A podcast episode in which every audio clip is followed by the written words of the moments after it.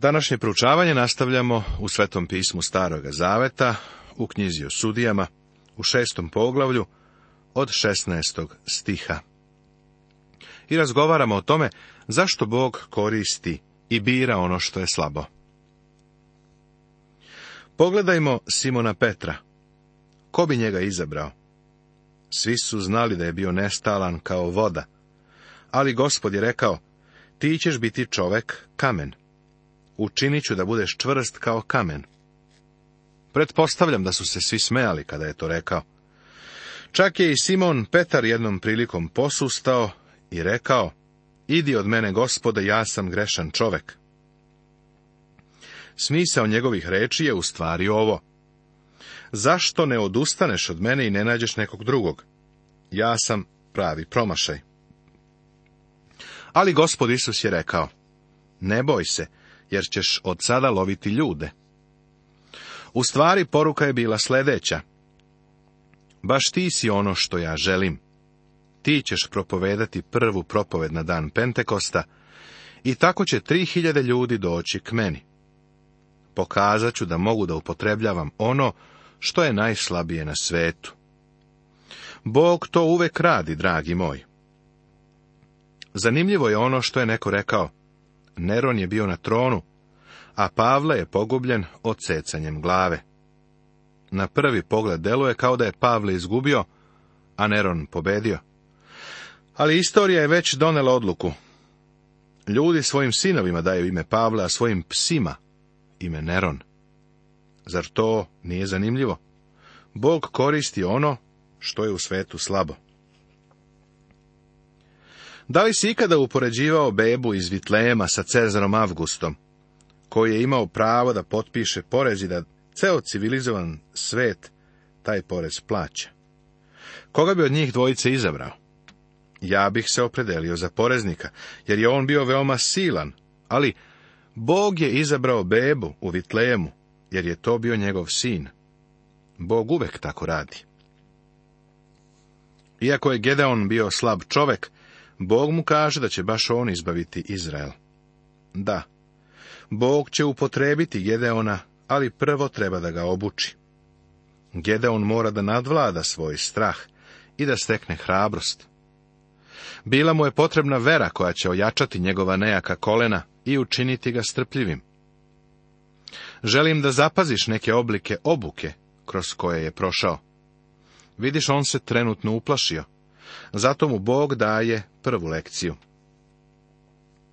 A gospod mu reče, budi miran, ne boj se, nećeš umreti. Rekao mu je, nećeš umreti, jer se Gedeon plašio da će umreti nakon što je video Boga. Bog je Gedeonu rekao da ide u svoje mesto i da počne da raskopava valove oltare i spaljuje lug koji je bio pored njega. Sve ovo je predstavljalo najgori vid nemorala. Gedeon odbacuje vala. Izrael pozvan na oružje. I Gedeon načini onda oltar gospodu i nazva ga mir gospodnji. Stoji i danas u ofri Avijezeritskoj. I istu noć reče mu gospod, uzmi junca koji je oca tvojega, junca drugoga od sedam godina, i raskopaj oltar valov koji ima otac tvoj, i iseci lug koji je kod njega. I načini oltar gospodu Bogu svojemu na vrhove stene, na zgodnu mestu, pa onda uzmi drugoga junca i prinesi žrtvu paljenicu na drvima onoga luga koji isečeš. Tada uze Gedeon deset ljudi između sluga svojih i učini kako mu zapovedi gospod, ali se bojaše doma oca svojega i meštana, te ne učini danju, nego učini noću. Tako počinje Gedeonova avantura. Čak i uz poslanje koje mu je Bog dao, Gedeon je uplašen. Umjesto da posluša Boga i sve učini pod dnevnoj svetlosti, Gedeon to radi pod okriljem mrak. Ali ljudi otkrivaju šta je to i ko je to učinio, pa su spremni da pogube Gedeona. Međutim, Bog ga izbavlja. A Gedeon i dalje okleva. Bog mu pomaže da savlada strah i da razvije hrabrost i veru. Bog ojačava slabašna Gedeonova kolena. Ovo je dug i strpljiv proces. Sljedeći korak je da ovog čoveka ispuni svojim duhom. Bog je uvek svojim duhom ispunjavao čoveka koga upotrebljava. A duh gospodnji naoruža Gedeona. I on zatrubio trubu i skupio oko sebe porodicu Avijezerovu. Zvuk trube je bio znak za rat. Čim je dunuo u trubu, njegov narod je znao da je reč o ratu protiv Amalika, pa su počeli da se okupljaju oko Gedeona. Znaš li šta se desilo? Gedeon se uplašio, pa je kod gospoda otišao sa predlogom. Tada reče Gedeon Bogu. Ako ćeš ti izbaviti mojom rukom Izraela, kao što si rekao, evo, ja ću metnuti runo na gumnu. Ako rosa bude samo na runu, a po svoj zemlji suvo, onda ću znati da ćeš mojom rukom izbaviti Izraela, kao što si rekao. I bi tako. Jer kad usta sutradan, iscedi runo i isteče rosa iz runa puna zdela. Sutradan se Gedeon vratio. Smatram da je on nameravao da ovo stalno čini, uprkos rezultatu prvog testa. Jer ako ovdje u Americi staviš runo napolje, ono će biti vlažno, dok će zemlja biti suva. Gedeon je postavio dvosmerni test, koji se nije mogao poreći. Rekao je, sada ću gospode ponovo da stavim runo. Ako ti stvarno želiš sve ovo, neka rosa bude svuda okolo, a runo neka bude suvo. Drago mi je što je ovako uradio, jer bih iskreno govoreći i ja bio skeptik i pomislio bih da se to prvi put nekako prosto desilo. Ili da tako kažemo, prirodno je da se desi na jedan način, ali je nadprirodno ako se desi suprotno. Ovaj čovjek je molio Boga da orosi runo, a drugi put ga je molio da ne orosi runo kako je Bog bio milostiv prema Gedeonu. Vidjet ćemo kako Bog ovog čoveka postepeno školuje, sve dok ga ne dovede na mesto na kome će Gedeon uvidjeti da u njemu Gedeonu nema ničega. Tada će ga Bog upotrebiti da pobedi u velikoj borbi. Ako ponovo pogledamo stihove 34. i 35. vidjet ćemo da su ljudi iz raznih krajeva morali da dođu da bi oformili njegovu vojsku. Kada je u Izraelu zatrubila truba, to je značilo rat. Iskreno prijatelju, Gedeon je posljednji čovek oko koga bi želeo da se okupiš. On nikako nije osoba spremna da ih vodi u borbu. Zato Bog počinje da se u životu ovoga čoveka kreće na određen način, kao što ćemo vidjeti u sedmom poglavlju. Tri stotine spremnih vojnika je izabrano. I Uran Jeroval, to je Gedeon, i sav narod što beše sa njim, i stadoše u oko kod izvora Aroda, a vojska Madijanska beše mu sa severa, kraj gore Moreha u dolini. A gospod reče Gedeonu, mnogo je naroda sa tobom. Zato im neću dati Madijana u ruke, da se ne bi hvalio Izrael suprot meni govoreći, moja me ruka izbavi. Sada Gedeon izlazi i posmatra svoju vojsku. Imao je 32.000 ljudi. Prvo što je pomislio je da ih nije dovoljno. Madijana je bilo kao skakavaca na brdima. Bili su neorganizovani, ali nekom prostom procenom se zaključuje da će savladati Izraelce. Prema tome, Gedeonovih ljudi je premalo. Pa mislim da je Gedeon bio spreman da ponovo zatrubi u trubu. Ali, Bog mu je rekao, imaš previše ljudi. Ne mogu da ti dam pobedu sa 32.000 ljudi, jer ćete se hvalisati i reći da ste to postigli u svojoj snazi, sili i moći. Nijedno telo u Božjem prisustvu ne može da se proslavlja. Iz tog razloga Bog i danas koristi slabe instrumente. To je metod koji on dosledno koristi. Tako će saseći broj vojnika. Nego sada oglasi da čuje narod i reci. Ko se boji i koga je strah, neka se vrati i nek ide odmah ka gori Galadu. I vrati se iz naroda dvadeset tisuće, a deset tisuća osta. Gedeon je imao 32.000 vojnika, a sada je izgubio 22.000. Možda se sećaš Božjeg uslova, koji je zapisan u Mojsijevom zakonu u petoj knjizi Mojsijevoj, da svako ko je pozvan u vojsku, a plaši se, treba da se vrati kući. Često sam se pitao zašto se Gedeon nije vratio kući.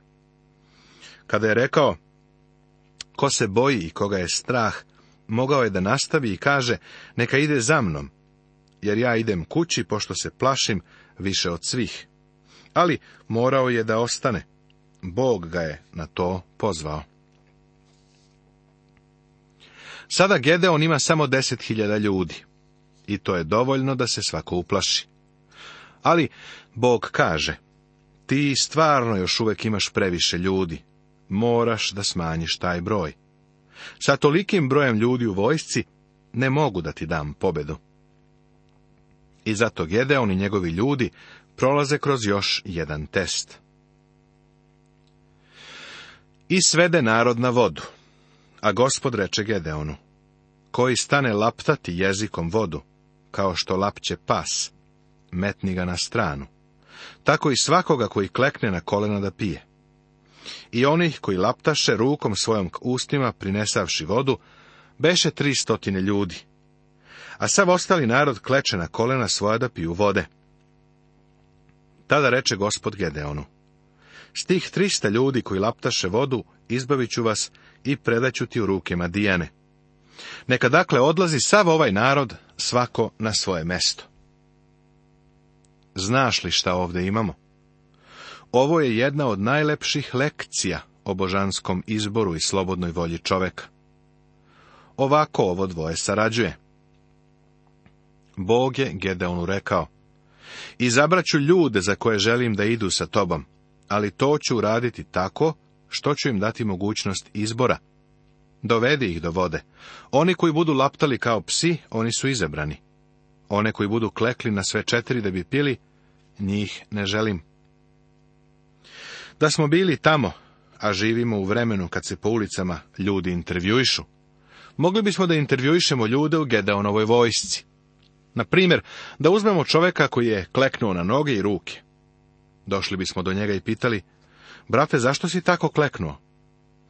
Pa on bi odgovorio, pitao sam se zašto se sa ostalima nisam vratio kući.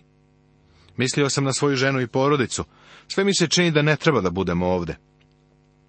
Čini mi se da treba da se vratim kući. Nemam srca za ovo. On je napravio svoj izbor, ali je Bog napravio svoj. Ovo je božanski izbor i ljudska slobodna volja. Vidiš, Bog bira, ali tebi dopušta da doneseš odluku. Zatim odlazimo kod čoveka koji je laptao kao pas sa druge strane vode. Zašto si tako laptao vodu, pitamo ga. On kaže, gde su Madijani? Samo malo sačekaj, odgovaramo mu. Zašto si to učinio? On odgovara. Jer sam sto posto sa Gedeonom. Želim da istaknem da je ovih tri stotine ljudi imalo srce za borbu.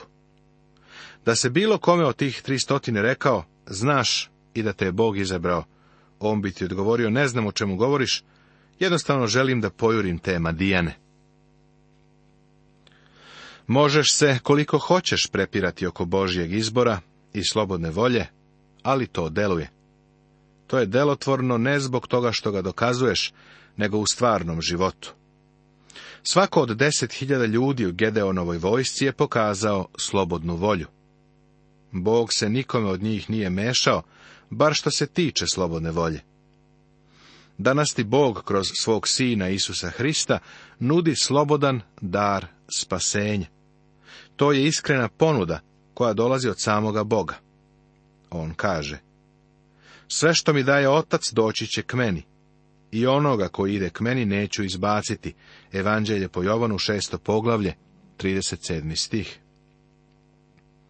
Pa nemoj sada da mi kažeš da možeš da se raspravljaš oko Božjeg izbora. Ne možeš. Možeš doći Bogu ako to želiš. Ako ne dođeš, imam za tebe vest. Nisi izabran.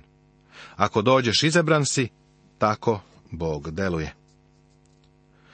Ovih tri stotine izabranih ljudi često je bilo pogrešno shvaćeno. Kao student išao sam u jednu malu crkvu u Georgiji u Americi. Kada sam tamo došao, jedna draga gospođa koja je nosila šešir rekla mi je, gospodine Megije ovdje imamo malu Gedeonovu družinu. Nisu imali nikakvu Gedeonovu družinu, imali su najobeshrabreniju, najlenju grupu ljudi koju sam ikada u životu video. To nije Gedeonova družina. Gedeonova družina je bila grupa posvećenih ljudi, spremnih da umru, da bi izbavili Izrael. To su bili ljudi svim srcem i dušom prionuli za to. Oni su kao psi laptali vodu, jer su išli za Madijanima, a ne za vodom. Kada se borba završi, tada će se napiti. Jednom sam gledao ragbi utakmicu, a potom sam slušao razgovor sa jednim od bekova ovog tima. Čak i posle utakmice on je bio toliko uzbuđen i toliko pun emocija, da uopšte sebi nije pripisivao nikakve zasluge. Zaslugu za pobedu pripisao je timu. Rekao je, bili smo rešeni da pobedimo. Ovo je, prijatelju, više Gedeonova družina nego nešto što imamo po crkvama. I to nam je danas potrebno. Pobeda Izraela nad Madijanima Ako li se bojiš sam sići, siđi u oko sa furom momkom svojim i čućeš šta govore, pa će ti oseliti ruke i udarit ćeš na oko. I siđe on i fura, momak njegov, do kraja vojske koja beše u okolu. Amadijani i Jamalici i sav narod istočni ležah u podolini kao skakavci. Tako ih beše mnogo. I kamilama njihovim ne beše broja. Beše ih mnogo kao peska po bregu morskom. I kad dođe Gedeon, a to jedan, pripovedaše drugu svojemu san. I govoraše, gle usnih, a to pečen hleb ječmen kotrljaše se k okolu madijanskom, i dođe do šatora i stade udarati o njih, te padahu i ispremete ih i popadaše šatori. A drugom odgovori reče, to nije drugo nego mač Gedeona, sina Joasova, čoveka Izraelca. Predao mu je u ruke bog Madijane i sav ovaj oko. Ovo je posljednja Gedeonova pouka pre odlaska u borbu. Silazi do granice logore i prisluškuje, dok dvojica vojnika razgovaraju. Oni iskreno veruju da će Bog predati Madijane u ruki Gedeonu i njegovoj vojsci. Bog dopušta Gedeonu da čuje taj razgovor, da bi ga ohrabrio pre same borbe. Potom razdeli 300 ljudi u tri čete i dade svakome po trubu u ruku i po prazan žban i po luč u žban. I reče im, na mene gledajte, pa tako činite. Gle, ja ću doći na kraj okola, pa šta ja uščinim, to i vi činite. Kada ja zatrubim u trubu i svi koji budu sa mnom, tada i vi zatrubite u trube oko sveg okola i vičite, mač gospodnji i Gedeonov. I dođe Gedeon i sto ljudi što behu sa njim na kraj okola. U početak srednje straže. Istom behu promenili stražu a oni zatrubiše u trube i polupaše žbanove koje u rukama. Tako tri čete zatrubiše u trube i polupaše žbanove i držahu u levoj ruci lučeve, a u desnoj trube trubeći i povikaše mač gospodnji i Gedeonov. I stadoše svaki na svom mestu oko vojske, a sva se vojska smete i stadoše vikati i bežati. A kad zatrubiše u trube onih tri stotina, Gospod obrati mač svakome na druga njegova po svemu okolu, te pobeže vojska do vet Asete u Zererat, do obale Avel Meolske, kod Tavata. Ovo je beleška o Gedeonovoj strategiji. Tri stotine vojnika je podelio u tri grupe. Date su im po tri stvari, žban, odnosno čup, vrč, luč, odnosno baklja i truba. Baklje su stavljene u čupove, da se svetlost ne bi videla. To su držali u jednoj ruci, a trubu u drugoj.